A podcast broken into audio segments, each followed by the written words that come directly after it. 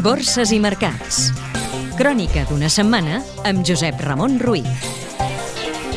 Eufòria en unes borses europees que han tancat la millor setmana en 3 anys. Optimisme comprador arreu després de l'acció coordinada de sis grans bancs centrals mundials per augmentar les línies de liquiditat i calmar els mercats. També han animat les compres, els plans per refundar Europa i avançar cap a la Unió Fiscal, la rebaixa de les reserves exigides per la Xina als seus bancs, els rumors que diuen que el Banc Central Europeu podria incrementar la seva capacitat de compra de bons sobirans, retallar tipus d'interès i ampliar garanties, i les bones xifres d'atur al novembre als Estats Units. Aquí, la setmana que el Tresor ha col·locat el màxim previst en bons i obligacions a 3, 4 i 5 anys amb uns interessos per sota de les previsions, l'IBEX 35, de dilluns a divendres, s'ha disparat gairebé un 10%. Ha estat la millor setmana des de la fallida de Lehman Brothers i se situa en els 8.558 punts, tot i que el Banc d'Espanya ha alertat que augmenta el risc d'una nova recessió.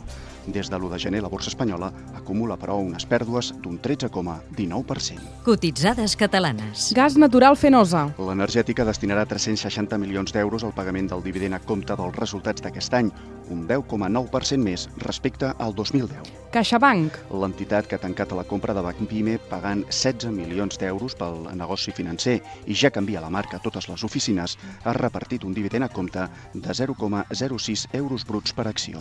Grífols. La Junta d'Accionistes ha aprovat repartir una acció per cada 10 antigues en l'ampliació de capital alliberada per un import de 2,96 milions d'euros. Ferguaïssa. Ha guanyat un contracte valorat en uns 450 milions d'euros per a la construcció de 20.000 vivendes a Colòmbia. L'euro.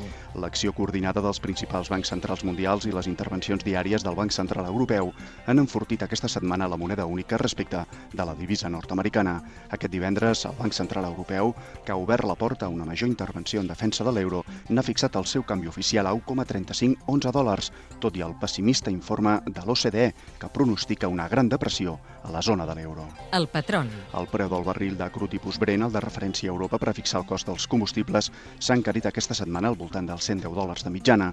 En aquesta línia, el banc d'inversions Goldman Sachs preveu que el preu del barril de Brent es dispararà fins als 127 dòlars l'any que ve. Vocabulari financer.